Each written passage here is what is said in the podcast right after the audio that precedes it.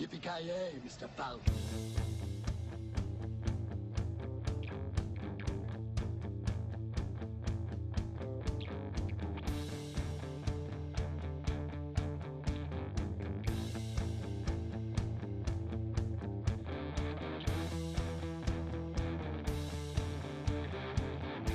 Jajamensan gott folk, hjärtligt välkomna till ännu ett avsnitt av Creative Meltdown Podcast. Jag har med mig Kalle. Joakim Granström. Joakim Avoya. Och Joakim Kent. Ja, okej. Ja, herregud. Clark Kent.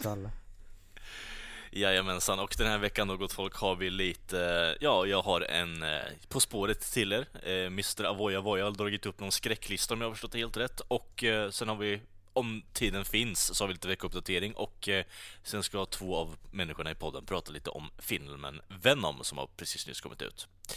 Men eh, jag tycker att vi gör så här då. Ni är ju medvetna om På spåret grabban och eh, har spelat där innan med mig. Jag har ju en film här då som ni ska få gissa på 10 olika poängspunkter. Och eh, ja, vi börjar helt enkelt och ni har ju bara en ryckning på det här också. Eh, så att ni har bara en gissning på vad det är för typ av film och vad det är för film. Så vi Yes. börjar på nummer 10 här då. då. Eh, kan man vara vän med sin far som ung man? Det var manusförfattarens inspiration till den här filmen. Låter misstänkt mycket som Leprechaun in Space, men jag vet fan inte.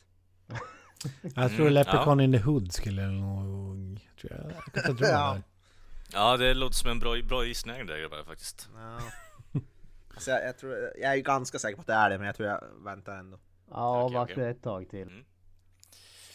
Då har vi nå nummer 9. En skådespelare känd för en deformerad karaktär var tänkt till huvudrollen, no pun intended, men blev ersatt sex veckor in i produktionen. Okej, pup pup jag drar i... Vad heter Mhm. det? Ringgrejen. Eh, Ja. Back to the future. Okej. Jävlar. Han, han går på nio poäng. Fan, man måste ju gå på de höga poängen. Man måste ju visa sin dominans alltså. Det, det Backspår det. det är ingen poäng om... Bäcksår i mörken, okej. ja. Nej, jag har ingen aning, jag passar.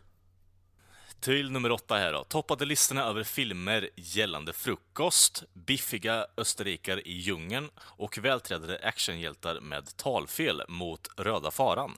Ja, Schwarzenegger nämndes ju där, hörde jag ju. Mm. Utsökt att tänka på...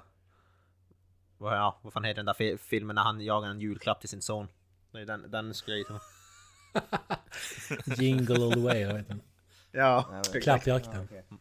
Klappjakt är magisk film. Nej, nej men jag, jag vet inte, jag, jag måste passa. Denna skådespelerska eh, tog då tre timmar på sig för att åldras 24 år. Alltså jag var inne på Total Recall, men det kan det fan inte vara. Ja. Nej, ingen aning. Pass. Ja, då går vi vidare här då, då och då har vi alla vill förbättra sin livssituation, men ibland tar tiden slut. Vad ska vi säga där, Mr. Owen? Väldigt mycket som Beck, den sista oskulden, men... Nej, inte Beck, Bert heter han. Beck, den sista oskulden. Jag, jag misstänker att Bert Beck, den sista oskulden, hade varit en väldigt annorlunda film. Ja, jag hade fan velat se den. fan, fan, fan vad underbart. Tänk by, by, byta ut vad heter Bert mot Peter Haber i den filmen. Hade Du får se nästan pluspoäng där Jocke faktiskt. den. Ja. Shut up and take my money säger jag. Ja, precis. Nej, men Nej jag men ni, passar. ni kör fast där grabbar eller? Ja, jag har kört Jag har fast. ingen aning. Yes. Då kommer vi då till nummer, eh, ska vi se här, eh, på fjärde poängen då. Nej, förlåt mig, femte blir det totalt. Eh, hur som helst, eh, skådespelaren befinner sig på samma plats men måste ställa sig den åldrande frågan, är det okej att bli sin egen pappa? Ja, men det är ju Back to the Future. Snark, jag drar. Ja, ja. ja, men jag säger väl samma sak. då. Jag, jag har ingen bättre gissning. Fan, den här hade jag kunnat ta på 10 poäng, men jag tänkte så enkelt kan det inte vara alltså. Okej, okej. Vi kör vidare här då, som, eh, så får vi ta, ta reda på om det verkligen är Back to the Future i slutet där då. Eh, Det trodde han var galen, men han gjorde det. Han förvandlade en aerodynamisk färdmedel till en kärnreaktor. Ja. Eh, Fylld av populärkultur och kan argumenteras för att det är filmen som populariserade dessa referenser. En film om vänskap mellan en tonåring och en äldre man, Namblas favoritfilm. Okej, det var faktiskt kul. Medan huvudkaraktären framför en cover och utför signaturmoves som han plagierar inför, ja, inför han en era av musik som vi i podden är väldigt tacksamma för. Yes. Och det är ju som sagt då, ja precis, exakt. Det är ju då filmen om eh, Ray Charles. Nej men det är såklart att det är eh, Ray Back to the Future. Richards. uh, ja, inte Leprechaun in Space alltså, jag är besviken. Nej, det, den dagen kommer Jocke, den dagen kommer. Ja, Man hör rent hur sårad du är i rösten av Oja ja fy alltså. fan. När kommer Story of Becks my spår i mörker undrar jag? ja, Ja, det är en bra fråga. Det, det är ju när man minst liksom, när du inte har pratat om det på typ ett halvår kanske, då kanske man släpper den bomben. Men nu är det så här, det är ju på dina läppar varenda vecka Kent. Jag tänker säga det Det kommer ju aldrig hända. Pratar jag om filmen Nej, men Exakt. Kent går i graven Exakt. är det enda där vi, gången det inte kommer nämnas. Gene Simmons har ju lagt av innan det hände så att säga. Gene Simmons har börjat göra liksom konserter med sitt hologram istället efter att han är död. Då kanske vi börjar prata om det. Eh, vi går vidare helt enkelt. Ja, vi hade ju en eh, lyssnare här som har skickat in en förfrågan om eh, att vi skulle list, lista topp 10 och bästa skräckfilmer. Mhm. Eh, vad, vad säger ni folket? Har vi, eller innan vi gör det, ska vi kanske gå igenom vad... Det är ju en svår genre i och med att det finns action horrorfilmer, det finns eh, komedi horrorfilmer, det finns sci-fi horror, det finns eh, allt Man möjligt. kan säga att det finns skräck blandat med i stort sett allting så behöver du inte rada upp alla variationer. Jag sitter här en timme senare. Det finns skräck blandat med det här. Ja men vad, vad, vad drar ni på? Stryker ni? Är Jaws, är det en skräckfilm? Ja, Nej, det är det inte. Jag, ty jag tycker det kan räknas som en skräckfilm definitivt. Om typ Alltså Alien kan räknas som en skräckfilm tycker jag Jaws kan också göra det eftersom det är typ... From Dusk Till Dawn är det en skräckfilm. Den Alltså, känns nej, ju betydligt det- mer det- som en actionfilm i så fall. Ja, Men, det, men det, Ja, action Alltså- comedy skulle jag säga liksom. det, det går ju inte att separera det helt. Det är ju det, det är precis det som du pratar om. Det, finns, det är ju skräck blandat med allting annat.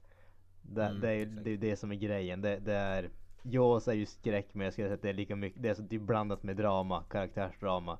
Det, Ja. det är ju så det är. Det går inte att separera och säga alltså, bara skräck om den här biten. Det är ju det som är problemet. Ska man hårdra det och säga att liksom bara skräck då kommer man ju hamna i liksom jump scares ungefär. För ska du ha en liksom en effektiv skräckfilm där du känner med karaktären och kan det inte vara bara jump scares då måste du ha drama för att underbygga det så att du får någon sorts sympati eller empati för karaktären och liksom känner med dem i det som händer. Så att det går ju som inte att separera det på så sätt. Tycker jag. Ja. Ja det är klurigt men eh, har vi eh, Mr. Avoya, du som är skräckmästaren. Folk är ju nyfikna på hur, hur din eh, lista ser ut. Har, har du fått ihop något eller? ja jag satte ihop en. Det är, det är definitivt ingen sån här definitiv lista. Jag satte ihop den alltså ganska snabbt på en sån här 10 minuter, en kvart. Det var ing, alltså, jag hade jävligt svårt att sätta ihop den här listan. Ska jag ju be att få ta Jag skulle ju förmodligen, gör jag en lista imorgon så kommer den förmodligen se annorlunda ut. Det är kanske typ topp tre som är så ganska skrivet i sten hyfsat, men de andra är jävligt såhär floating.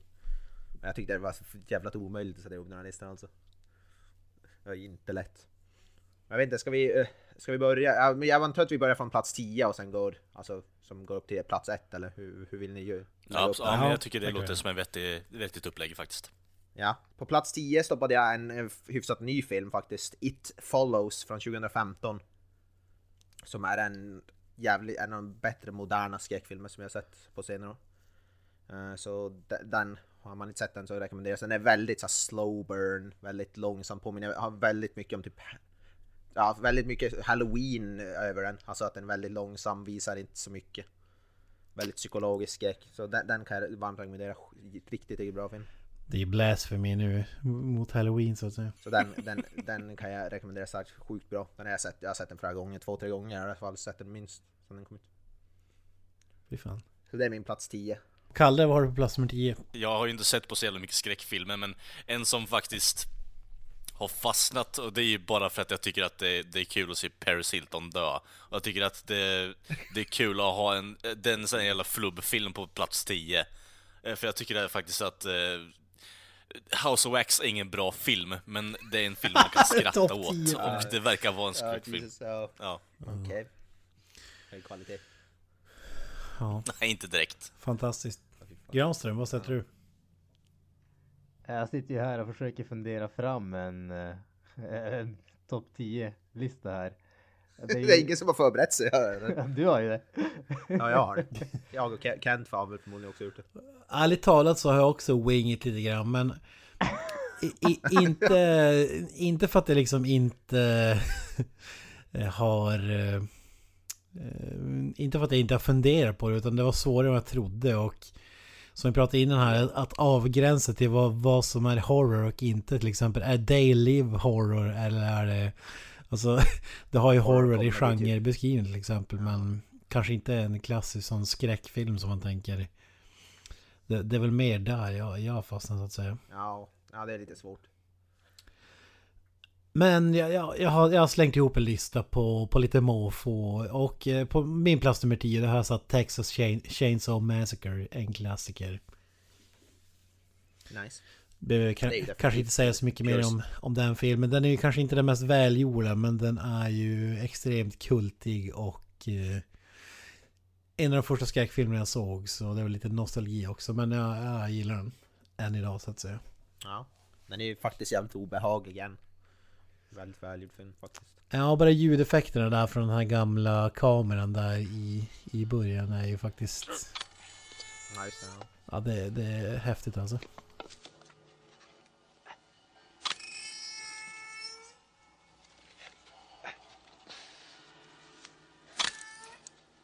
Då, då kastar jag in en och då behöver vi inte diskutera om det är skräck eller inte. Men det är ju När lammen tystnar. Eh, Ja, det det är ju skräck definitivt. Ja, definitivt. Ah, jag, jag, vet, jag vet inte om jag skulle räkna som skräck faktiskt. Thriller hade alltså jag det, det, det, är ju där jag, det är ju där jag, vad heter det, Mm. jag känner Ja, lite det- grann med Kent. Alltså det, det är gränsfall om det kan räknas till skräck eller inte. Men det är ju en eh, oerhört eh, bra film som är, som är extremt välgjord. Och jag tror att det, det är just den där, skrä- är det skräck eller inte så får man att sätta den på plats 10. Hade det varit en, en lista över en annan, eh, typ thriller eller någonting sånt hade den hamnat högre upp. Men jag kastar ändå in den där för att den är, det är tillräckligt mycket skräck och det är tillräckligt mycket känsla i den för att den ska platsa tycker jag. Jag tycker, jag tycker, en, jag tycker det är acceptabelt definitivt. Ja. Ja. s- plats nummer nio då. Jag har en lite, lite otippad här som jag la in. Jag visste inte var jag skulle placera men jag visste att jag ville ha med den på listan så jag la den här på plats nio där. Eh, original Nosferatu från 1922. Har jag på plats nummer nio. Nu är det så här, eh, Okej. vad heter det, kondensör, finsmakare. Ja men alltså, och det enda andra anledningen att jag har, har med den är ju inte för att den har åldrats väl eller något sånt där, men det är för att den för att eh, en film som är nästan 100 år gammal är så pass ändå ikonisk och obehaglig som den är och har några av de mest ikoniska sådana här bilder eller vad man ska säga. Bara se den när han går upp för trappan där, skuggan till exempel och sånt där och det är en anledning till, det är inte för att det är här, man det är ju ingenting jag slår på på en fredagkväll och när jag sitter och käkar popcorn direkt. Men jag tycker ändå, jag vill ha med den för att den är så pass ikonisk som den är faktiskt. Så därför stoppar jag den på plats nummer 9. Jag hade den först på plats 10 men då flyttade jag upp den ett snäpp sen. Jag har ju Frankenstein från 1931. Nej. det, det, det, är väl ingen- det, är väl en bra film också. Ja, fy fan. Äh, på, på, min, på min eh, plats nummer 9 har jag faktiskt en fredagen den 13 film och inte vilken som helst utan Jason Lives. Man kan säga The Return of Tommy Fjärde. Jarvis. Är det den fjärde va tror jag? Ja, jag tror att det blir den sjätte. Ja den är, den är faktiskt en av de bästa, fredag den 13. Ja, ja den är... eh, Ja, jag gillar den faktiskt. Underhållningsvärdet. Kanske inte är den läskigaste filmen som, som finns där ute. Men eh, får väl ändå räkna som en skräckfilm. Och den är ju, Ja. är ju extremt eh, underhållande i min mening så att säga. ja, men ingen fredag den 13 kan väl påstås vara läskig tycker jag heller. Men de är ju definitivt skräckfilmer samtidigt. Ja. De är mer underhållande än läskiga kanske. ja, precis. Den hade väl kanske inte de häftigaste killsen och sådär. Men i, i överlag så är det ju... Har mest att erbjuda. Som sagt, den har ju Tommy Jarvis och bara där. Ja. Det, ju- gör ju att den han är värdig. I hans kanske mest badass roll i serien så att säga. Ja. Oh ja. Ska man säga att Tom Jarvis det är ju en snubbe som överlever och som eh, en av de mest populära kanske antar jag. Eh, Ja, De som är- det, är väl, det är väl nästan Jason som, vad ska man säga, rival, eller nemesis typ. Eller Jason är hans nemesis så han går väl på någon sån här mission för att jaga Jason genom mång, många filmer typ. Och är den stora hjälten i några av dem så att säga. han har ju dödat Jason några gånger så att säga. Ja, han har ju det. Ja. Ja. Kalle, har- slänger du in någon i potten eller?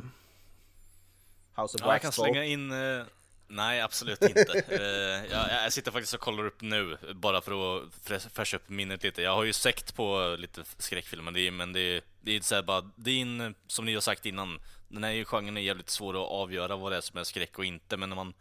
Jag vet inte, när man får det på papper så blir det ganska uppenbart. Men jag slängde in eh, Rosemary's Baby där på en nionde plats. Eh. Alltså, det, det, jag tror faktiskt det är bland den första skräckfilmen jag såg och Roman Polanski liksom och det, det är bara allmänt udda att de, det är en kult de, de försöker liksom få henne att bli gravid med satans eh, avkomma liksom och det är bara allmänt eerie stämning överlag. Jag tycker det är en fortfarande jävligt bra film av det jag kommer ihåg. Det, det var ganska länge sedan jag såg den men den är, den är fortfarande riktigt jävla bra faktiskt.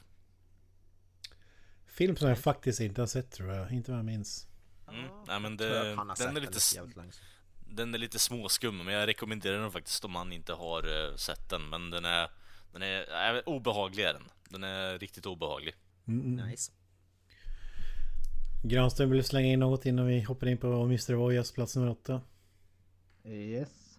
En film som jag har i huvudet egentligen enbart därför att jag såg den ganska nyligt men tyckte förvånansvärt mycket om den och det är ju The Howling från 1981. En eh, varulvsfilm gjord av eh, Joe Dante. Eh, jag måste säga att det var, eh, alltså det var länge som man såg om man säger någon sån där eh, varulvsfilm som jag riktigt tyckte om. Det, det är ju inte någon överflöd av dem men sen så har ju i stort sett allting som man sett har ju varit typ Underworld-filmerna. Eh, och de eh, Dog Soldiers. med Ja, Dog Soldiers är ju kung. Ja precis. Eh, den är ju faktiskt eh, fantastiskt bra. Men just eh, The Howling tyckte jag var riktigt underhållande. Den lyckas väldigt bra med att få en sån där lite obehaglig känsla. Sen givetvis den är från 81 så att effektmässigt och sånt håller den väl kanske inte riktigt upp i dagsläget. Men tyckte definitivt om den. Den var definitivt sevärd. Så att jag kastar in den på en nionde plats där faktiskt. Mm, mm, mm. Nice. Eh, plats åtta har jag original Blair Witch Project från 99. förmodligen, den, bä- förmodligen kanske den bästa found footage, eh, found footage vad heter det, skräckfilmen som har gjorts. Herregud. Jag såg den för bara något år sedan om igen och den var fortfarande ri- alltså, riktigt jäkla bra. Helt rent psykologisk film, inga jump scares tror jag överhuvudtaget. Och var fu- fu- fu- fruktansvärt effektiv fortfarande. Riktigt, riktigt bra. Jag såg den, ja det var inte länge sedan jag såg om den så det är en plats eh, åtta för den. Min del. Jesus. Kalle, vad slänger du in? Jag vet inte riktigt, jag känner bara för att jag slänger ut massa typ alltså skräckfilmer överlag, men jag tycker ändå att Braindead från eh, 90-talet där med, alltså gjord av eh, allas våran Sagan om ringen-skapare. Eh, eh, helt underbar film faktiskt, alltså jätteinnovativ med gällande Alltså hur man dödar zombies och kommentarerna och överlag bara de praktiska effekterna.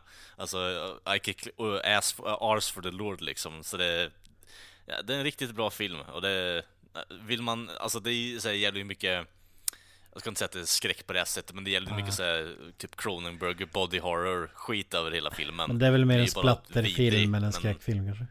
Ja, precis, precis. Men det blir på något sätt att splattret är det som gör hela filmen vidrig och lite skräckinjagande för min del i alla fall. Men jag skulle fortfarande klassa det som en skräckfilm i slutändan. Jag kastar in ännu en uh, liten curveball här skulle jag säga. Men Henry, Portrait of a Serial Killer. Uh, vet inte Just om ni har sett den. Det är... Va? Michael Rooker va, eller? Precis, Michael Rooker spelar ju eh, eh, Henry Lee Lucas som baserad på om man säger hans eh, Ja, han, han var ju en verklig eh, mördare i i vad heter det, i verkligheten så att säga. När han var en mördare i verkligheten så att säga. Och eh, den här filmen är ju väldigt, om man säger väldigt låg budget och sådär. Men det gör, eh, det, det gör bara att den blir ännu mer störande just hur low-fi den är. Eh, och sen tycker jag att just eh, Henry Rooker gör en, Henry Rooker. Eh, Michael Rooker Henry gör en jävligt bra roll i den här. Alltså när han, han, han är störande i filmen. Han är störande på riktigt och det är, den är obehaglig att se på. Nice. Mm. Faktiskt aldrig sett den men jag har hört, jag har hört mycket gott om den.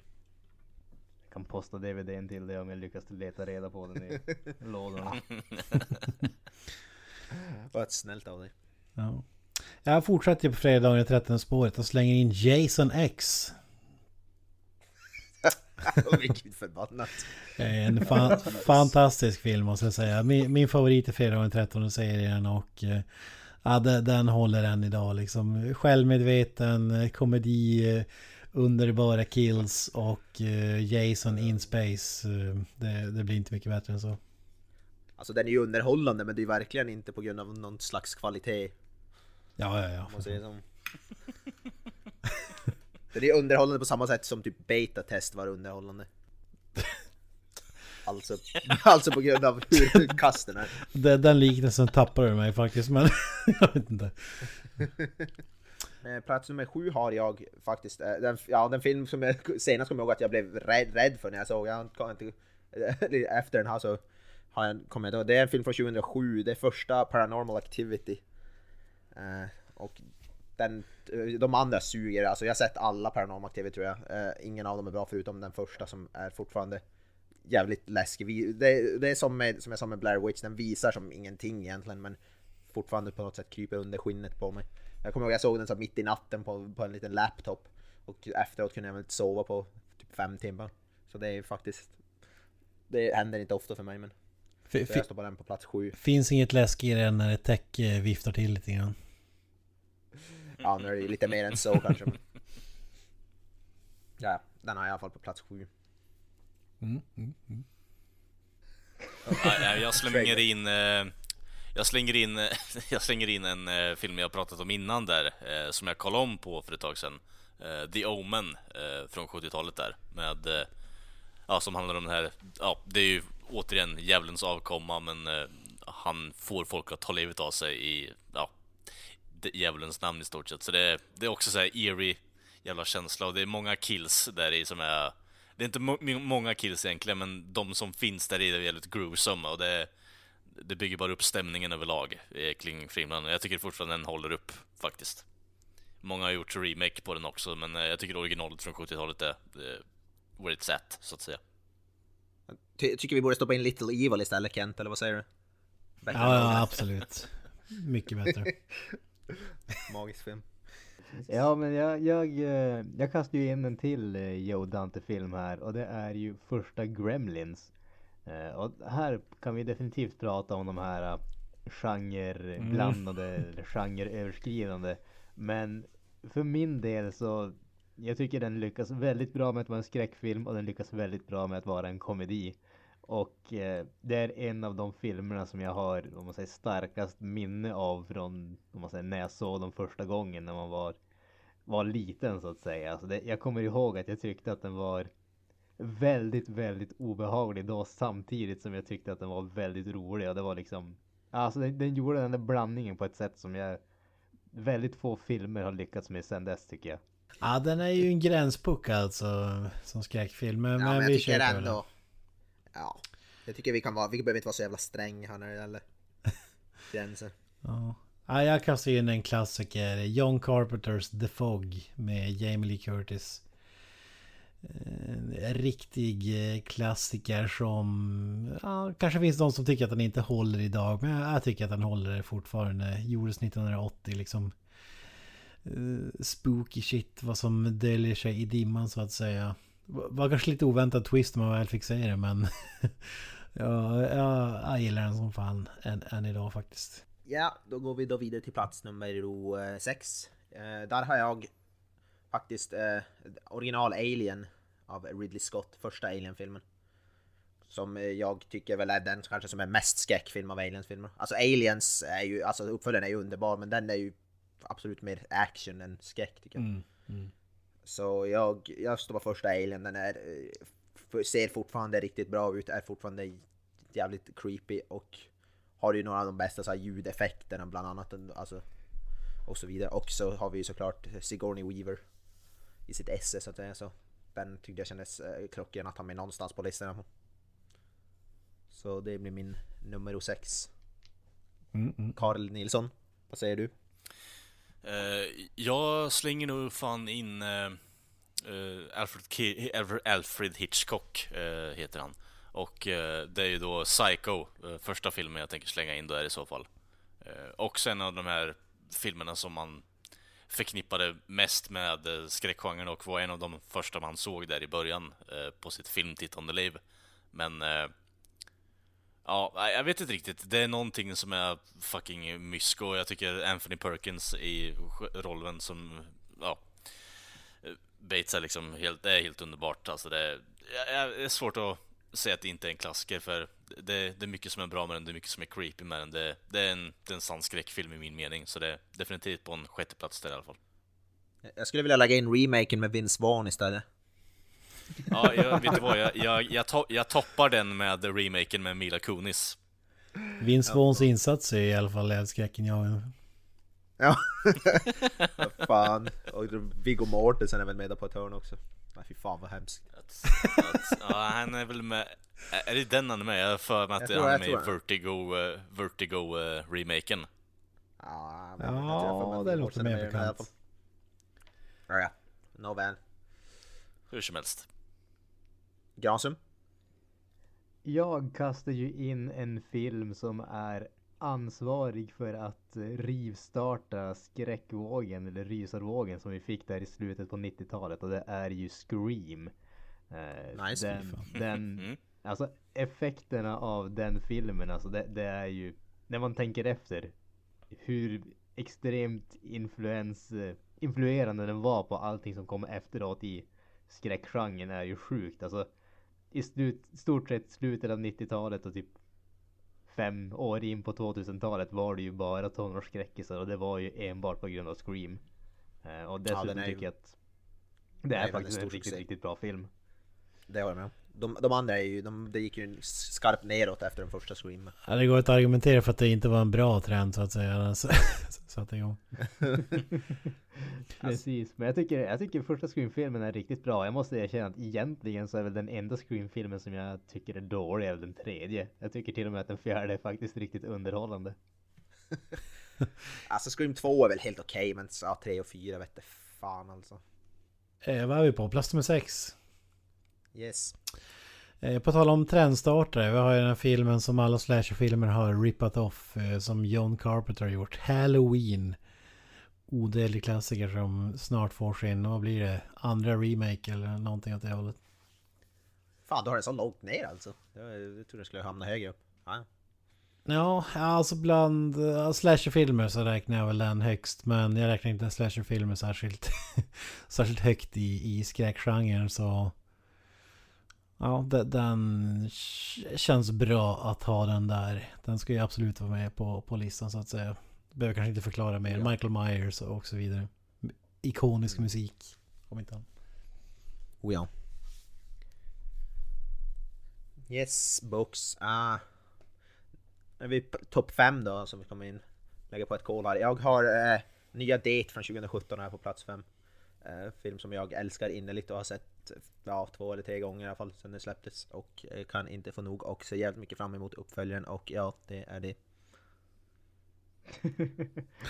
Ja, jag slänger in eh, Texas Chainsaw Massacre på femte plats för jag tycker det, det, är en, det är en för ikonisk film och inte vara i topp fem uh, gällande skräckfilmer överlag bara. Ja, det, det, här, det är ju nu som det börjar bli svårt att, eh, att välja så att säga. Nu- börjar det bli många grejer som slåss på platserna här. Men eh, min femte plats hamnar ju åtminstone för en film som jag pratat om tidigare. Det är ju eh, Splice som är eh, Vincenzo Natalis eh, sci-fi eh, skräckis. Som jag tycker är riktigt, riktigt bra. Den känns... Han, han är ju en udda filmskapare och eh, det är en film som inte riktigt känns som någonting annat. Men den är obehaglig men samtidigt väldigt eh, indragande på fantastiskt, fantastiskt många sätt. Så att, äh, varmt rekommenderad. Jag tycker väldigt mycket om den. Så att den Är, är det den här rullen med Adrian Brody? Precis, precis. Ja, den, den är ju faktiskt riktigt bra, ja, håller jag med dig. Den hade jag fan helt glömt bort den filmen. Det var, det var verkligen en slamkrypare. Ja. Den, är- den, är faktiskt, den är faktiskt riktigt bra, det håller jag med om. Här hade jag svårt att välja. Eh, Men jag landar i ännu en John Carpenter-rulle, The Thing. Ja, ja. Ja, men det är ju... Känns ju logiskt faktiskt. Ja, det som är tråkigt är att eh, jag vill ha med alla andra filmer så, så därför ryker faktiskt Exorcisten som jag ger bonusomnämnarna här som, som jag också tycker är riktigt bra. Men ja, ja the, the Thing är ju en, en 10 av 10 för mig i alla fall. Ja, det är ju en klassiker. Scenen där när de...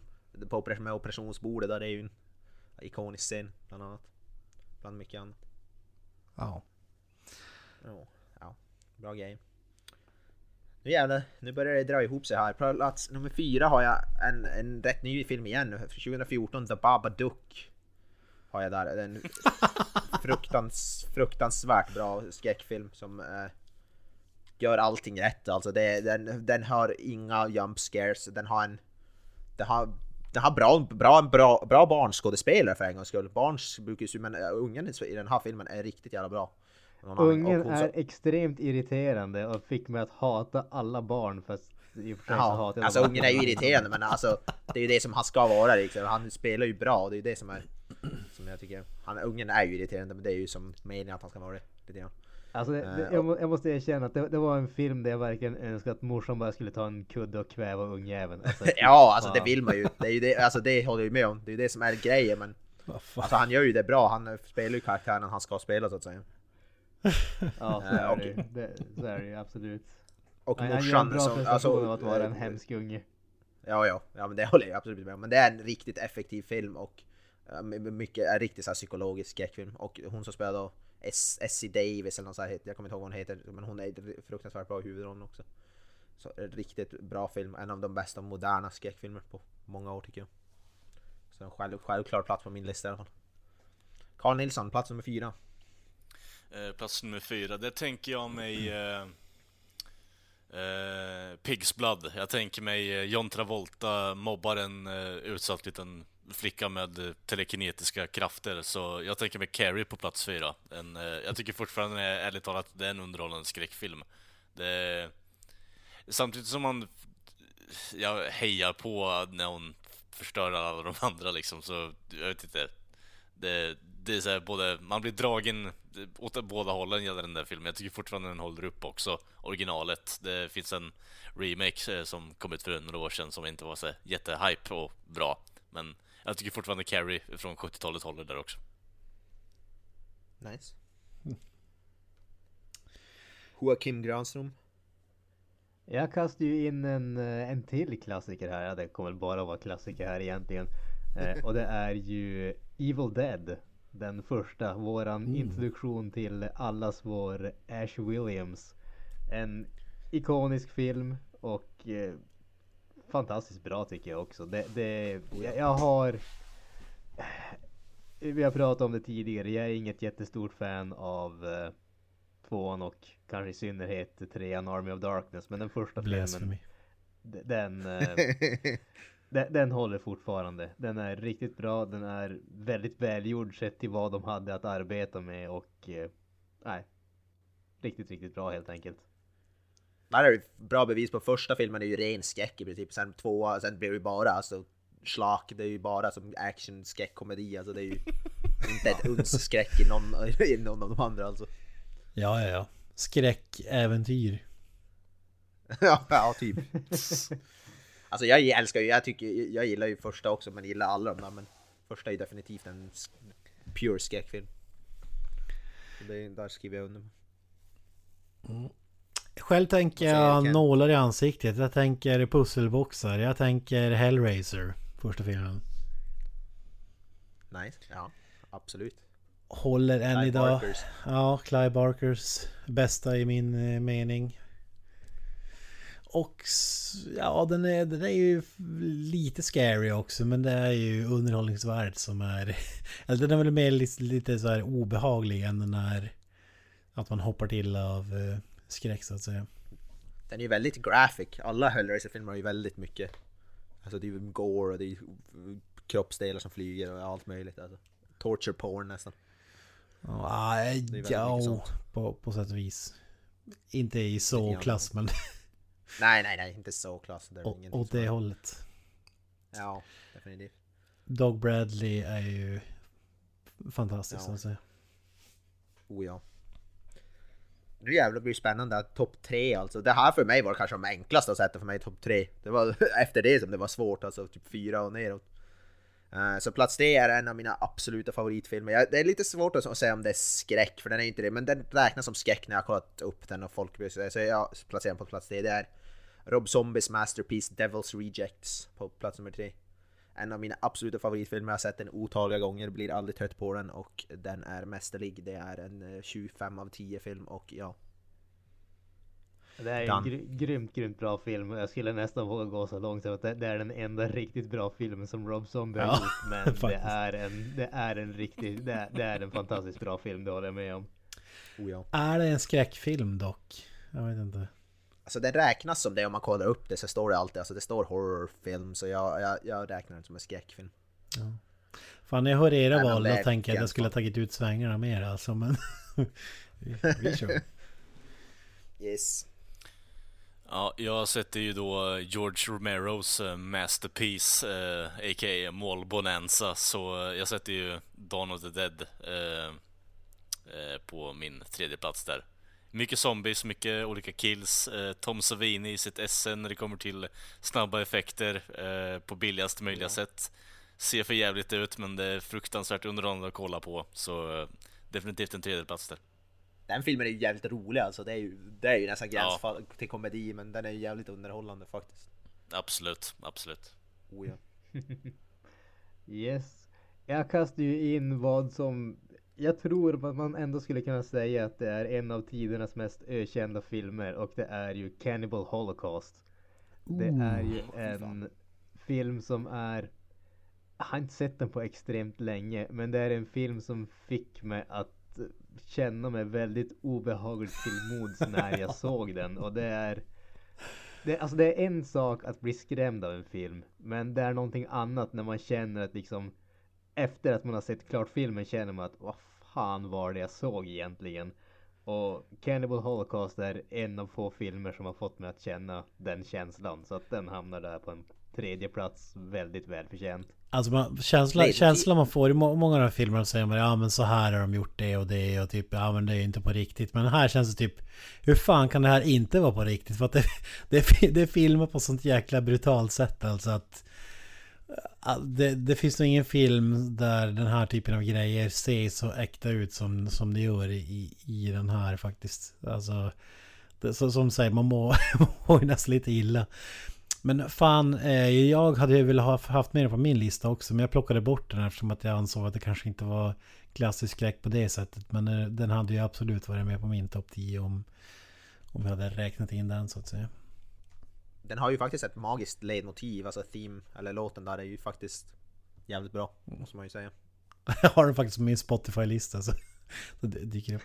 Jag måste erkänna, jag har ju faktiskt sett Cannibal Holocaust, äh, inte sett den, jag har bara hört, hört låten. Men Ja, du, du måste säga den alltså. Den är... Ja, alltså, Fantastiskt. för, för en skräckfantast som dig så måste jag säga att det är väldigt förvånande att du inte har sett den. ja, faktiskt, det är förvånande nästan själv. Men ja, det är sånt där som jag har på min att göra-lista så att säga.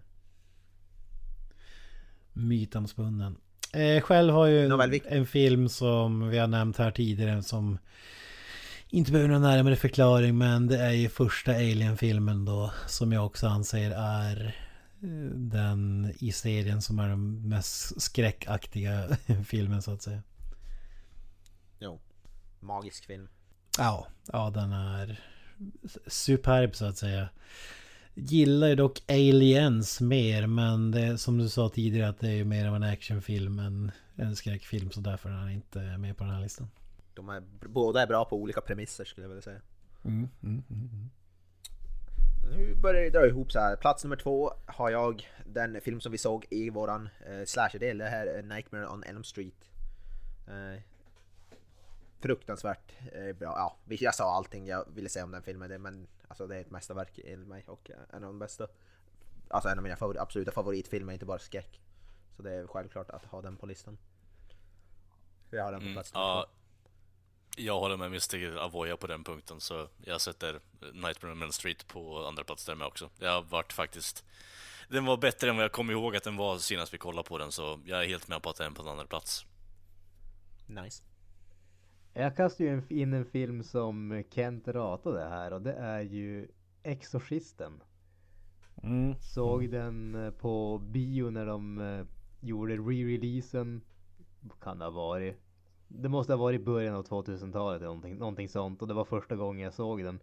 Eh, och jag tyckte att den var fantastiskt, fantastiskt bra då. Och det, än en gång, alltså det, det är de här låg, ska inte kalla det lågbudget kanske, men det är någonting speciellt med det här äh, low-fi skräcken alltså. Det, det, det äter sig in i en på ett annat sätt än de moderna jätteslicka och snyggt filmade skräckfilmerna gör. Alltså just det här äh, när, när det känns lite äldre och lite det, det känns mer grundat på något sätt. Jag vet inte. Det äter sig in i en på ett annat sätt och Exorcisten är en sån film. Ja, pre- precis som i Nightmare on Elm Street så fick det var ju mycket bang for the buck när det kommer till specialeffekterna och förutsättningar man hade så att säga. Ja, Fantastiskt. Jag, jag, ty, jag, jag, tycker hellre, vi skulle vilja säga att det är Scary Movie-scenen som gör en spoof på Exorcisten. Skulle jag vilja sätta där istället. Ja men Exorcist, Nej, jag håller är med. ju- Den är, den är ju riktigt bra. Jag tycker jag, det är en av de så här kanske mest- mer välgjorda också. Och jag ja. ångrar mig nästan att jag inte har med mig det på, på topp 10. Den, den skulle kunna hamna Alltså, egentligen ja. vart som helst på min lista nästan. Alltså. Alltså jag är nästan med på det också. Alltså det är ju en... Och den är, den är som sagt, det är ju som vi sa med den ser ju fortfarande bra ut alltså.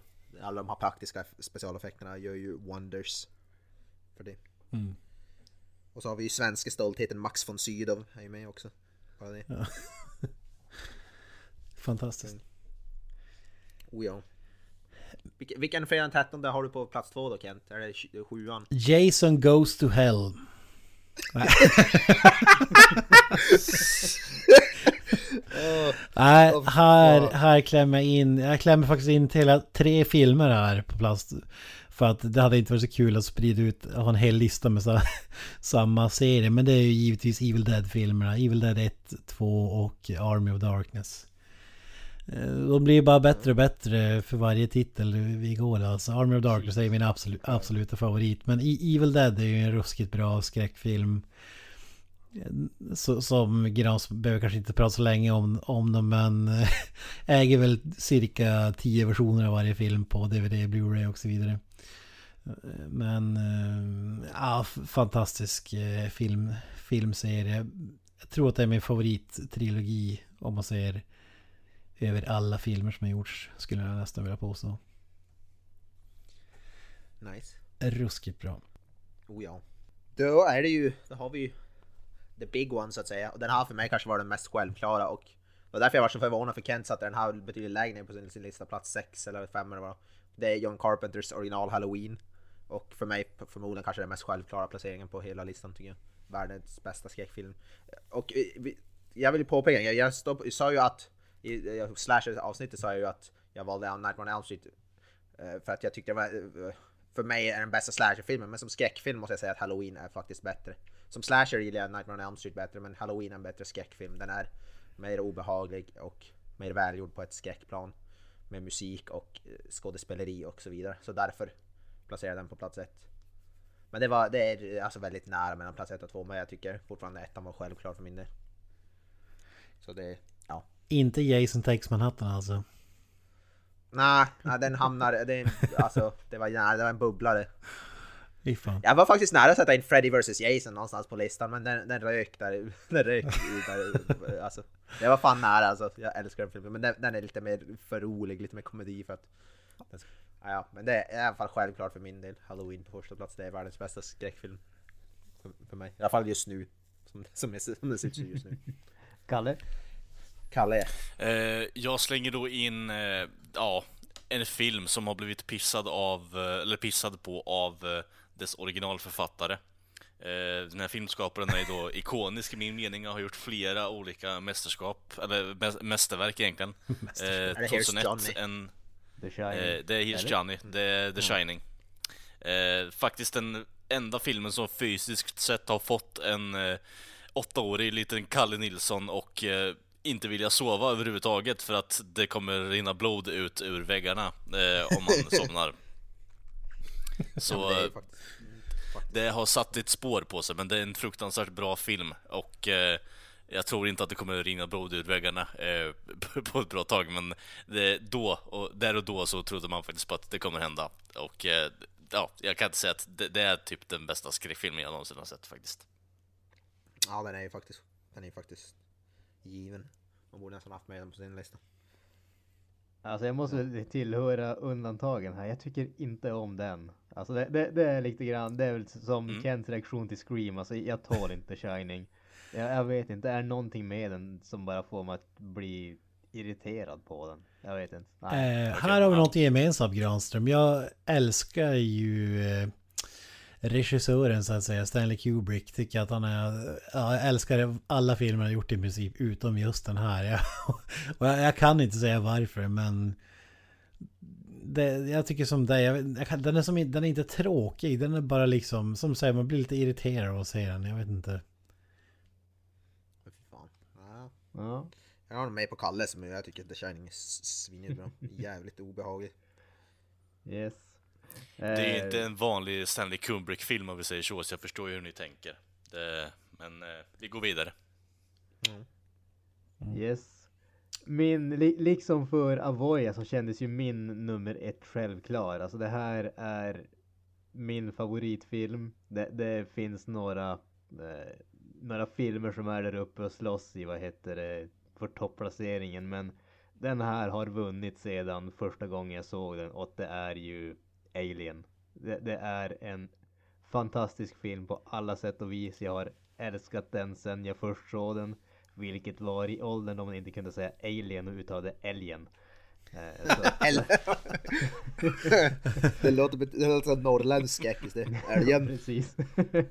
så att den, den, den, har legat på topp extremt länge men än så länge så är den obesegrad. Jag tycker att det är en fantastisk film på alla sätt och vis. Har man något som helst intresse av skräck, science fiction, thrillers så det är en film som man måste se. Det, det, det bara är så. Alltså det, det är en måste se film. Det finns ingen, inga om eller men när det kommer till det. Ja, den är ju själv, den är självklar att ha på, på listan. Det, det kan man ju skriva under på. Ja, min, min topp tre skulle man kunna kasta om hur som helst. Så skulle... Nej, ryggrads... Eh, tänket här var ju att den skulle toppa min lista men Pe- Peter ändå ner den här platsen. Kent. Min plats nummer ett då är ju, ja, alltså, som, eh, som Granström sa här första gången man såg den var man ju in love och den loven har han inte släppt än, kommer aldrig släppa och eh, eh, den här filmen är ju ett rent mästerverk av en mästerregissör med Oscarskalibriga skådespelare hela vägen. Är nog den filmen, jag tror att folk tänker skräckfilmer så är det nog den här som comes to mind. Jag pratar förstås om Blade 2. Fantastiskt, fantastisk film. Läsk, läskiga vampyrer. Du har Wesley Snipes, du har svärd, du har... Ja, allt du kan ha. Donnie Yen, kasta in också. Fantastisk film. Vad säger du Granström? Ja, alltså det går ju inte att eh, annat än att hålla med dig. Det är en film som de, den börjar med eh, full fart och saktar inte ner för en sekund. Det, det är bland det bästa som har gjorts i filmväg, tveklöst. Det lägger i tians växel så att säga. Absolut. Pedal to the metal. Jag respekterade Kents lista hel, eller hela vägen upp på plats nummer ett och sen gick det åt helvete. Den här är skräckfilm för många tror jag. Ja, den är ju skräck fast på helt fel sätt, det håller jag ju med Ja, den är så fruktansvärt bra eller? Ja, inte riktigt men... Vi, vi, vi, vi, vi, jag ska inte gå in på detaljer. Jag pratar nog om det här, det här åbäket. Ja, vad, vad säger du Kalle? Vi vill du rearrange din lista eller? Nej, eh, ärligt talat alltså jag... Jag vet inte, det känns som att vi har pratat där i typ 15 minuter. Ska vi gå vidare istället? Ja, jag tycker vi har sagt nog om Blade 2 alltså. Ja, det med. Jag kan ju tisa om att det kommer specialavsnitt om Blade 2 inom eh, någon sorts framtid. Herregud. Fan. Sooner than later. Ah, ja, vi går vidare. Det var den eh, topplistan. Se fram emot alla hatmejl vi kommer få. Och som vanligt så tycker vi om när vi får höra vad våra lyssnare tycker om för skräckfilmer så har ni en egen lista eller åtminstone några Kanske en topp tre så hör gärna av er, vi vill gärna veta Lite filmtips, det är vi alltid tacksamma för Oh ja. Så länge den inte innehåller Blade 2 så är det, så är det nice. Så länge plats 1, 2, 3 Blade 2 så är det okej att skicka in den. From the coast of gold across the seven seas, I'm traveling on far and wide. But now it's Granström, vad har du sett i veckan då? Jag har inte heller sett så mycket men däremot så har jag ju spelat. Jag har ju begravt mig i Shadow of the Tomb Raider nu på senare tid. Kom ut för, eh, ja vad blir det, två veckor sedan kanske? En vecka sedan. Eh, vid det här laget men jag har inte haft fullt så mycket tid som jag skulle vilja att spela det. Men det är ju tredje eh, delen i den här eh, reboot-serien om Lara Croft och fortfarande riktigt, riktigt bra spel. Det är kanske inte riktigt lika intressant rent handlingsmässigt som de tidigare spelen men spelmekaniken tycker jag fortfarande är riktigt, riktigt bra. De har gjort helt rätt val i att fokusera mer på stealth och eh, lite smygande och pussel jämfört med de senaste två spelen som lutade lite mer åt eh, actionhållet så att det känns lite annorlunda. Det är fortfarande otroligt underhållande. Det är riktigt, riktigt snyggt och jag skulle varmt rekommendera det till alla som eh, alla som spelar äventyrsspel, actionspel och stealthspel tror jag kommer tycka att det är ett riktigt bra spel helt enkelt. Så att kan varmt rekommenderas. Nice. Det är fan. Visst är det jag?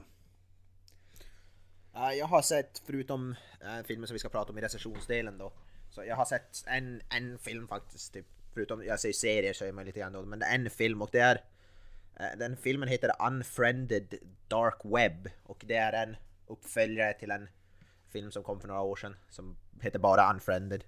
Och grejen med den här skräckfilmen, äh, båda filmerna, det är att hela filmen ses ur perspektivet för det, alltså från en datorskärm. Så när du slår på filmen så är det som en datorskärm och sen är det ett Skype-samtal mellan olika personer och det sen händer en massa grejer. Och det är det som är gimmicken då att den, hela, hela, hela filmen uh, utspelar sig i ett Skype-samtal med videokamera då så man får se alla personer och så vidare. Och jag gillade första filmen faktiskt. Den var, den var en positiv överraskning. Den var hyfsat eh, un, eh, underhållande, lite småläskig eh, då och då. Och måste säga att den här andra filmen faktiskt, den var kanske ändå snäppet bättre.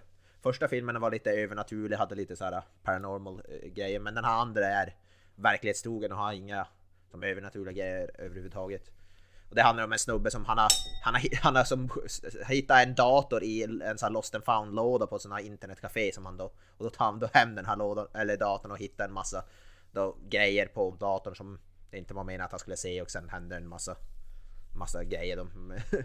och ja, den var faktiskt underhållande, lite obehaglig till, till, till och från och jag, jag gillar det här konceptet med att den, hela, hela filmen utspelar sig i ett Skype-samtal. Det, det, man kan göra my, mycket med det även om de här filmerna inte är mästerliga men jag gillar ändå konceptet så pass mycket att jag skulle ändå rekommendera filmen om man om man verkligen inte har, har någon annan alltså, mer kvalitativ skräckfilm att se.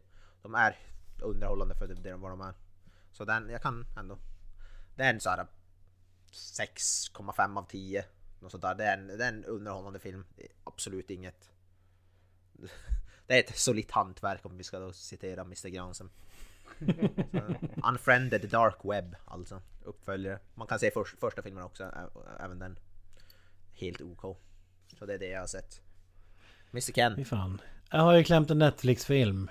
Och... Eh, som så många gånger förr var det ju ren dynga. Eh, kom ju en film som heter Hold the Dark. Med bland annat eh, vår svenske vän eh, Alexander Skarsgård i, i rollerna.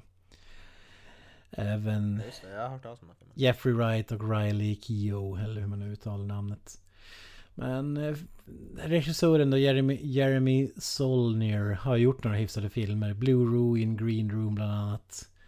Ja, Green Room är ju mästerlig för fan. Ja, Sjukt bra film. han har varit som hyllad men här är det, det är Style over Substance som det brukar heta. Filmen är snygg men sjukt tråkig. Alltså det är som att någon spelar upp filmen i slow motion och eh, Precis som den filmen som jag och Granström såg med Jason Momoa som jag inte kommer ihåg nu som han hatade. The Bad Batch. Så för, tror filmen att den är smartare än vad den är och det, ja det är Ja det är laughable previs och eh, slutet ska jag inte ens eh, tala om. Men eh, det handlar ju om eh, tre, tre barn då som misstänks ha blivit mördade av vargar ute i en sån här eh, by ute i Alaska och eh, man ringer in en snubbe då för att eh, försöka ja men track down de här vargarna och, och hitta bland annat en familjs son då så att säga i, i vildmarken och, och ta hem dem igen. Men filmen har ju då en cringeig twist och eh, den har ju blivit, märkligt nog blivit hyllad av vissa och Jag brukar säga det är som att jag skulle ta en, en tavla på ett konstgalleri. Den skulle bara vara helt vit och så skulle jag hänga upp den. Ah, 99% skulle ju undra vad fan det här är för någonting. Det här är ju ingenting. Men det finns någon jävel som skulle tycka att det var ett mästerverk. Li- Lite så känns det över den här filmen. Eh, Ja, det är det. Jag har hört talas om den här filmen, det är som du säger, den har ju blivit hyllad och sågad. Så här, verkligen så här, Mm. Alltså blandat så man vet inte riktigt vad man ska tro. För någon som inte har sett den alltså, så är det jävligt förvirrande. Alltså den, är inte bra. Den är, den är rolig. Jag skulle inte ens säga att det är solitt hantverk. Det är bara en... Ja, man, man cringear när man ser den och, och... Och när du inte gör det så somnar du typ. Alltså det är ändå som det kunde varit värre. Att det här, man hade liksom satt, satt på en sån här Cloverfield-stämpel på den också. Det var ju typ det som saknades. Det hade varit fulländat. Alltså inga rekommendationer skulle jag säga. Fyra av tio och... Eh, ja som sagt sny, sny, snyggt filmad och sådär men in, det finns inget innehåll här som... Som är värd namnet. Väldigt märklig, märkliga karaktärer och... Ja. Bedrövlig helt enkelt. Ja, jag, gillar, jag är som sagt Green Room tycker jag var mästerlig, det är en sån här 8-9 av 10 för mig. Så det är därför jag har jag haft koll på den här filmen. Jag har inte sett den. Ja. Jag vet att Granström, du gillade väl Green Room också, gjorde du inte det? Jag tyckte den var riktigt, riktigt bra. Eh, Så att jag har varit smått intresserad av den här filmen. Så att eh, jag kommer nog Förr eller senare kommer jag att kolla in den även om den kanske har hamnat lite längre ner på prioriteringslistan efter den här recensionen så att säga. Alltså första halvtimmen är... Jag vet inte, det är som att sitta fast i lera alltså. Det är fruktansvärt eh, segt. Ta- Tar man sig igenom det så kan man kanske få ut något av det men då... Ja. Nej usch. Det, det, det, finns en, det finns en scen som kunde ha varit häftig med... Eh, vad ska jag kalla det utan att spoila men... Det blir en shooting. Och, men till och med den är filmad på ett tråkigt sätt. Alltså av en regissör som inte vet hur man ska filma action liksom. Det är inte så här verkligt som när Christopher Nolan gör det. Och det är inte underhållande som när typ John McTiernan gör det eller någon. Utan det är någonting, ja... Nej. Eh, som sagt, ingen... Jag skulle inte rekommendera någon att se den här filmen alltså. Vi går vidare till poddens recensionsdel. Yes, jag och Avoya har ju då sett eh, den nyaste Marvel-filmen från Sony Studios och det är ju Venom baserad på Spider-Mans eh, Kan man kalla han ärkeskurk? Jag vet inte. Ja, ärkefiende. Typ åt det hållet i alla fall. I'm Eddie Brock. I'm a reporter. I always seem to find myself questioning something the government may not be looking at. I found something really bad. And I have been. Eddie. Who said that? Who said that? Taken. Det är ju faktiskt eh, andra gången som vi får se Venom på, på film. Första gången var ju Spider-Man 3 och han var ju Lå, Låt oss säga att mottagandet i den filmen var ju inte direkt varmt. Kanske till stor del på grund av att eh, Sam Raimi har ett eh, uttalat ogillande för karaktären och egentligen inte ville ha med, ville ha med den överhuvudtaget men blev tvingade av Sony. Så att givetvis så är ju den självklara grejen att tio år eller vad det blir senare göra en film om den karaktären såklart. eh, den här gången så är det ju Tom Hardy som spelar Venom slash Eddie Brock. Och han är ju en eh, journalist, jag får tappa ordet där, journalist som eh, får möjligheten, eller rättare sagt han får order av sin chef att göra en liten puffpiece om Carlton Drake som är en chef för ett storföretag som kallas Life Foundation som håller på och utvecklar medicin och eh, har fingrar i alla pajer och liksom ska de har en ledare, eller den chefen här, han är väldigt intresserad av, eh, av mänsklighetens framtid i rymden och sådana saker. Eh, så de vill ha en liten puffpiece om honom men Eddie som den grävande journalisten han är, han bestämmer sig för att konfrontera honom angående rykten slash anklagelser om att eh, det här företaget använder fattiga och desperata människor i experiment som har resulterat i deras död. Det går ungefär så som eh, man kan förvänta sig när man gör någonting sånt. Han blir kickad, han tappar, förlorar allting, jobbet, eh, förhållandet och bostaden.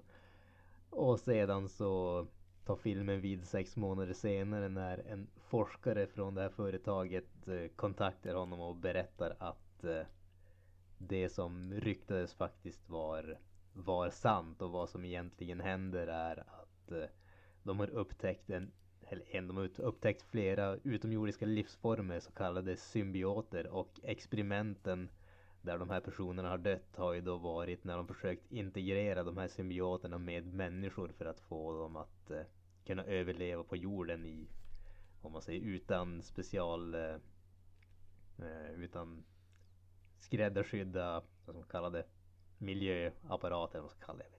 Nå någonting åt det hållet ungefär. eh, han eh, givetvis så som alla journalister gör är ju att man bryter sig in på de här ställena och det går ju sideways med en gång. Symbioten Venom infiltrerar eller integrerar med Eddie och eh, väldigt snabbt så är han eh, jagad av eh, Carlton Drake, hans eh, hired guns så att säga och eh, har inget annat val än att ta upp kampen mot det här storföretaget. Satan vad du fick handlingarna låta mer komplicerade än vad den var. Okej, okay, dra du. Tom Hardy blir smittad av en uh, insektsliknande ja, monster och blir ett monster och uh, ja, battlar med sig själv. Och superpowers. Ja, okay. ja, precis. ja. Ja vad säger du? Man, alltså, är, man är lite nyfiken på det här. Den här filmen har ju blivit både precis som Hole in the Dark, eller Hold the Dark, sågad och typ hyllad av eh, folk eh, som inte håller med den och man älskar den här nyheten. Eh, det känns som att det är bara superhjältefilmer som kan få så här hitta på sådana ursäkter. Att det är liksom Lady Gaga-fans som skapat fake-konton på olika så review-sidor och för att dra ner, dra ner betyget, betyget på den så att A Star Is Born, Lady Gaga-filmen ska gå bättre i box office-mässigt. Jag vet inte. Det roliga var att jag läste en, fast det var inte lika stor nyhet, att det var Venom-fans som gjorde samma mot den filmen. Men den nyheten kom lite i skymundan. Men det hände det också. Så det var ju jävligt, ja, det var intressant. Vad gjorde de sa du? Venom-fans gjorde samma sak, skapade fake-konton för att dra ner Star is Born tydligen. Så det var ju ett jävligt konstig battle, det var Venom mot Lady Gaga. Som, ja, hade inte, det är inte den matchupen jag hade tänkt men jag tänkte Venom. Men, ja. Det är som det fighten mellan uh, Shawshank Redemption och Dark Knight på IMDB. Ja, just det. Ja, fan. Alltså innan vi pratar om filmen, alltså, så nämnde Spiderman 3, alltså. Det kan ju vara den mest felkastade någonsin, Topher Grace som Venom, eller vad säger vi? Fy. Klockren. Alltså jag, jag vet jag tycker, jag tycker ändå om han lite grann. Jag, jag är inte, det är inte bra emot. men jag är inte lika negativ till det som alla andra verkar vara faktiskt. Jag har ingenting emot Topher Grace, jag gillar han ju i That 70 Show och så vidare, men han var ju helt felkastad som Eddie Brock alltså. Jag tyckte, jag tyckte... Ja. Bäst med den filmen var ju Emo. Peter Parker som jag vet att Kalle avgudar. ja, det finns mycket att säga om den filmen alltså. Det, jag, jag tycker det, det känns inte som att Topher Grace var eh, sämre än någonting annat i den filmen om vi säger så. Ja, möjligtvis, men eh, det var inte så att han var dålig, det var mer att han var väldigt, väldigt felkastad alltså. Eh, Alltså, ja. Jag. Jag, har inte sett filmen men sett trailern men den här filmen känns ju verkligen som en sån där film som skulle kunna gjorts under Sam Raimi-tiden där äh, Spider-Man filmen. Var, var det så eller såg det bara ut så? Den är ju väldigt eh, throwback känns det ju som. Alltså det, det är... eh, På ett bra sätt eller Det- dåligt det- sätt? Vad sa du? Jag tycker ändå att det känns så att den är så på ett, eh, på ett bra sätt. Alltså det är inte en komplicerad film även om min eh, plot description fick det att låta väldigt komplicerat. Utan det, det är en, ändå en film som, alltså det, den känns, den är ganska rätt fram tycker jag. Den, Mm. de- den vet vad den vill göra. Sen givetvis den gör några, den har några problem som kanske inte borde ha varit där. Men den vet vad den vill göra och den lyckas ändå göra det till stor del tycker jag. Känns det som en egen film eller känns det som en start på ett universumfilm? Alltså värsta sortens film i min mening. Jag tycker den känns som en, jag tycker den står på egna ben. Den har ju en scen i mitten av eftertexterna som bygger vid, som jag menar bygga vidare men utan att spoila vad det är. Men den, förutom den scenen så tycker jag den står, står väldigt bra på sina egna ben skulle jag säga faktiskt. Den står, Ja, jag, jag håller med där. Den står extremt bra på egna ben. Det, det är ju i stort sett eh, inga kopplingar, inga tydliga kopplingar till eh, Spider-Man och de har ju redan sagt att den här filmen kommer inte att vara en del av Marvel-universumet så att eh, även om Sony själva anser att den är en, en del av Spider-Man så att säga så att de- den, den är väldigt fristående bo, både hur den presenteras men även hur den är gjord i slutändan också så att jag tycker att eh, den, den står på egna ben och den måste den kunna göra som vi har sagt tidigare det är det som är problemet med de här andra filmerna att det, det är bara samma sak om och om igen Ja. Ja men det låter ändå Det lovande. är det som det är det som är så lite konstigt, Sony säger ju att det är en del av att den utspelar samma universum som Spider-Man Homecoming och Tom Holland Spider-Man, men sen säger Marvel Studios att nej det är så är det inte alls. Så det är ju lite som, ja, det är som att de battlar där, alltså det är lite Så förvirrande. de avvaktar vara. förmodligen bara med mottagandet och eh, vilka pengar de drar in kanske innan de... Ja, Alltså jag tror, jag tror alltså, man, man måste ju se det som det är. Det är ju inga problem att, vad heter det, Alltså det, det, det som man kan säga är väl att den kommer aldrig att integreras i någonting annat än Spider-Man i så fall. Det, det är väl lite grann så man kan säga det. det. Det kan hända att liksom Venom eller någon koppling till det dyker upp i nästa Spider-Man-film eller i någon tid, någon senare Spider-Man-film. Men det kommer aldrig att dyka upp i liksom Iron Man 58. Avengers 53. Ja. ja just det. Ja, vad säger ni? Den har Yes. blivit typ sågad, men vad säger ni då? Ni hade lite positiv inställning eller? Ja precis. Avoya du kan väl ta rodret där kanske? Ja, alltså jag har ju varit, som jag säger, jag har hypat den här filmen länge och har dömt om en Venom-film sen jag var 10 bara. Eh, den har ju, jag har inte varit helt övertygad av alla trailers, ska vara helt övertygad. Och det har ju inga så jätteimponerande namn, alltså Tom Hardy såklart, men det är ju regissören Ruben Fleischer, han har gjort en film som jag sett tidigare, Zombieland, som jag gillade. Men förutom det så är han i princip okänd för mig. För mig. Han har väl gjort den här 30 minutes or less typ eller något sånt där med den här med, vad heter det, snubben från Eastbound and Down bland annat. Är med den. Men eh, alltså jag, jag, jag har mest sett fram emot den för att det är en Venom-film. och ingenting annat liksom. Eh, och jag, jag, som, jag blev eh, väldigt positivt överraskad av den här, måste jag säga. Eh, mycket bättre än vad trailern skvallrade om. Eh, sinnessjukt underhållande och det, det, det, största negativa biten är kanske det där inte Venom är med, typ den första, vad kan det vara, en 30-40 minuter eller något innan Venom som är med på riktigt. Då, det är en ganska, den är ganska tråkig i början, tyckte jag. Men efter det så, så tog det ju fart i 100, alltså 190 och blev sjukt bra tycker jag. Och förmodligen det bästa med filmen är väl samspelet mellan då Eddie Brock och den här symbioten Venom. Och det är i princip eh, Tom Hardys eh, samspel med sig själv eftersom han ju då gör rösten till den här. Och det blir nästan som en lite buddy cop, alltså komedi, actionkomedi lite av det och det tyckte jag funkar skitbra. Även om min drömfilm kanske hade varit någon mer mörk skräckfilm så, så förstår jag ändå varför man gick den här routen så att säga. Och jag tycker det funkar kanonbra. Det är, det är, den, är, den är väldigt underhållande, den är rolig och faktiskt förvånansvärt snygg. Rent speciellt, alltså trailerna skvallrade om rätt tveksam CGI tycker jag, men jag tycker filmen i slutändan, slutändan är mycket bättre än vad trailern skvallrade om. Rent alltså CGI och specialeffektmässigt. Såg du den ja. i 2D eller 3D? Jag såg den inte i 3D, jag hatar 3D. Så jag, jag skyr det som pesten. Jag såg den i vanlig hederlig 2D. Mm, jag såg den i 3D, eh, vilket var ett eh, misstag. Dels för att filmen i allmänhet är väldigt, väldigt mörk och mm. 3D gör ju alltid, de här glasögonen gör att allting blir ännu mörkare.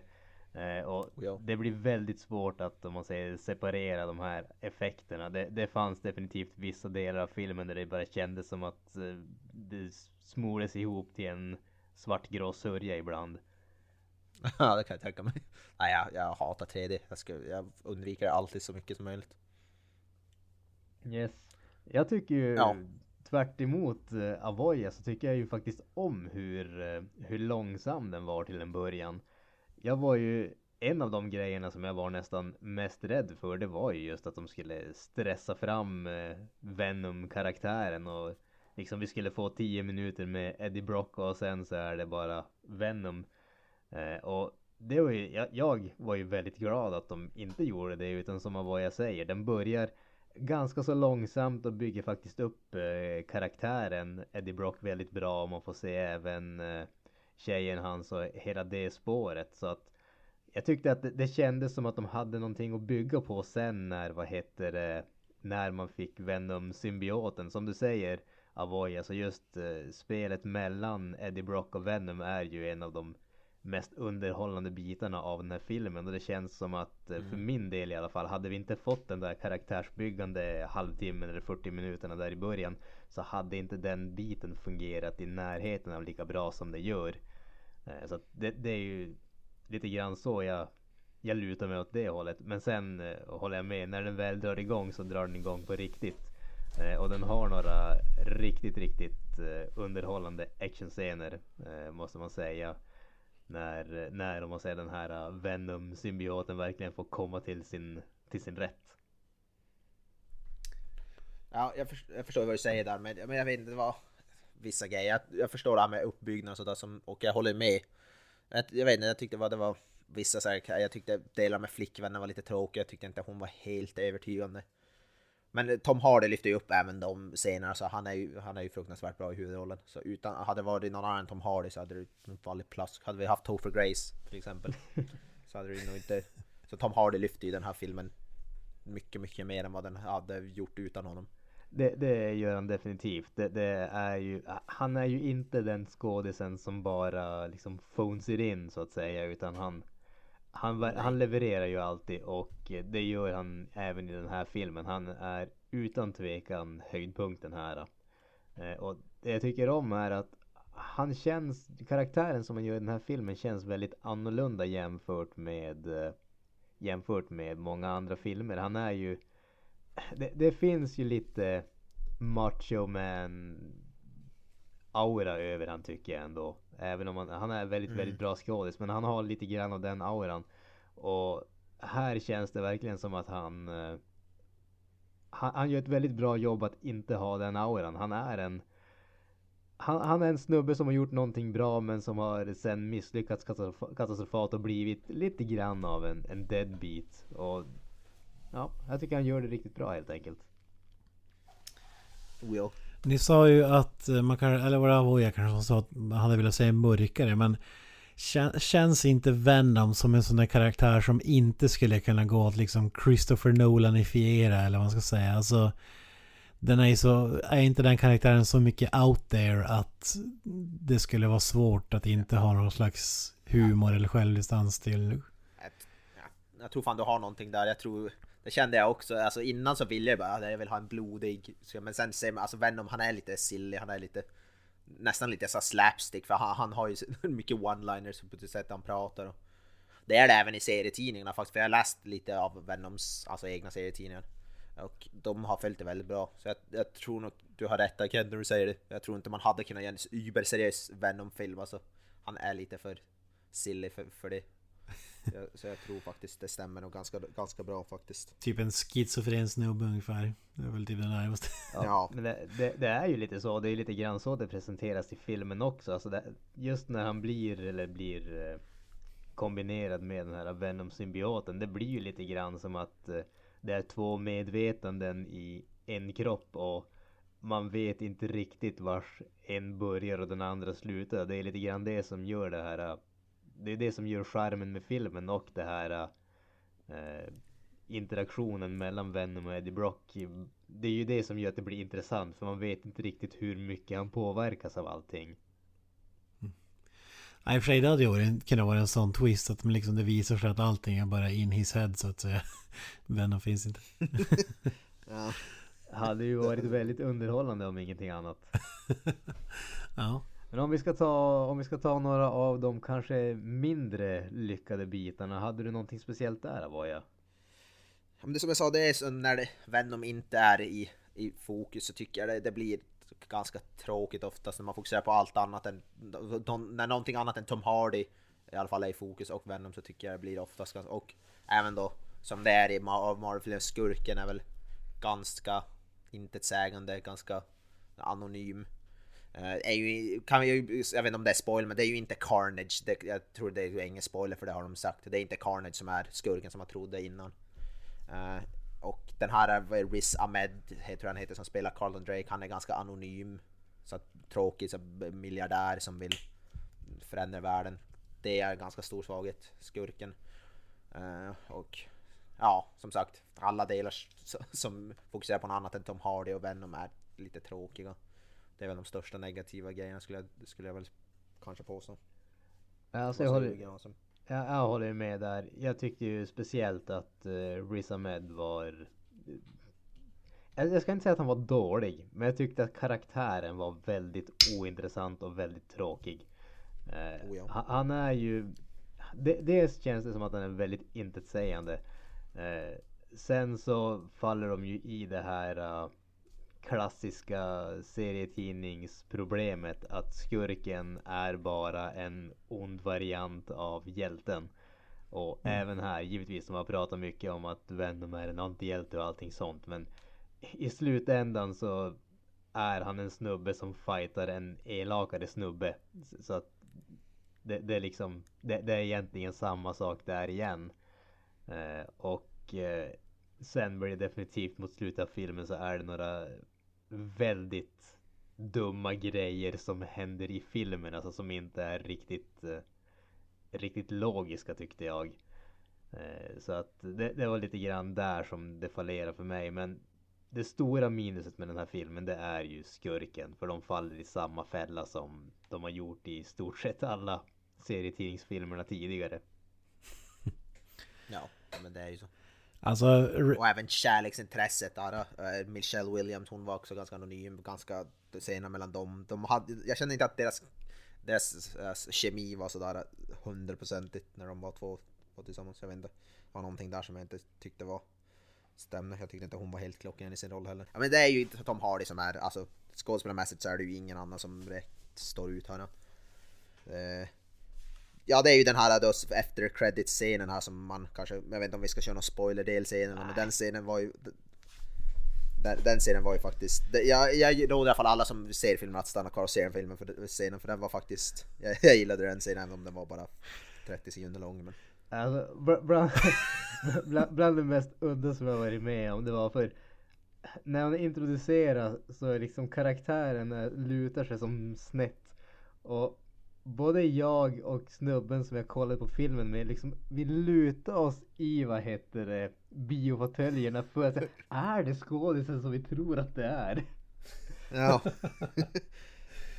ja, det har ju alltså vi ska inte spoila men det, det ryktas ju om vem den här skådespelaren skulle spela i den här filmen och att han skulle vara bad guy och så vidare och så vidare men sen visade det sig att han bara fick 30 sekunder screen time för att bygga upp inför uppföljaren typ.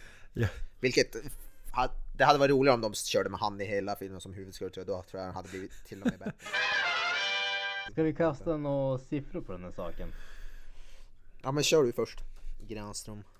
Alltså som sagt, jag, jag blev eh, väldigt eh, positivt överraskad av den här filmen. Den är, det är inte ett mästerverk men väldigt underhållande. Tom Hardy tycker jag gör en riktigt, riktigt bra jobb, ett riktigt, riktigt bra jobb. Sen finns det givetvis som sagt vissa delar som inte funkar lika bra. Men jag skulle ändå kasta in den på en eh, 7,5 kanske lite grann över 7,6 7,7 om jag är generös men däromkring ändå. Jag tycker att den var riktigt underhållande och faktiskt väl värd att se. Jag tror att eh, kan man acceptera att det inte är en fantastisk 10 poängsfilm, gå inte in med de förväntningarna. Jag tror att man kan ha väldigt mycket kul med den här filmen. Oh ja. Alltså tioåringen i mig vill ju sätta en 11 av 10 alltså för han, han, han grät ju av lycka. Men om jag ska vara lite mer realistisk och sätta så jag är nog där du, men kanske lite snäppet högre. Jag skulle ändå sätta en 8 av 10 faktiskt. Så jag snäppet högre. Men ungefär lika. Inget som, det är ju inte en ny Dark Knight eller något sånt men det är ju Alltså det bästa, alltså när det gäller till Marvel-baserade filmer tycker jag ändå det är bäst att de har kommit ut alltså där på, på bra länge. Jag gillar den här mer än Deadpool 2 till exempel. Betydligt mer. Och ja, många, och många av de Marvel-filmer som har kommit. Så jag, jag tycker skippa dem och se den här istället. Stark rekommendation. Yes. Dra en gris runt den här säcken, Kalle. Ja, Jajamensan gott folk, hjärtligt... Eh, ja, vad fan ska man säga liksom? God morgon! Hjärtligt ett tag. God morgon! Somna, till det ett tag tror jag. Hur som helst då, ni har ju då lyssnat på den veckas avsnitt också då gott folk och ni hittar oss oss på sociala medier som Facebook, Twitter, Instagram och Youtube. Eh, vi finns ju även på Spotify på för er on the go där också. Och eh, sen har vi då vår egen hemsida och den heter ju creativemeltdownpod.wordpress.com och eh, där lägger vi upp lite checka referenser och eh, ja, recensioner bland annat också och lite andra projekt som är på gång. Ehm, ja, annat än det hade inte jag så mycket mer utan vi hörs ju nästa vecka. Eh, avslutande ord där grabbar. Up the irons! Hej och see nu. Peace. Bye bye. That's it, man. Game over, man. It's game over.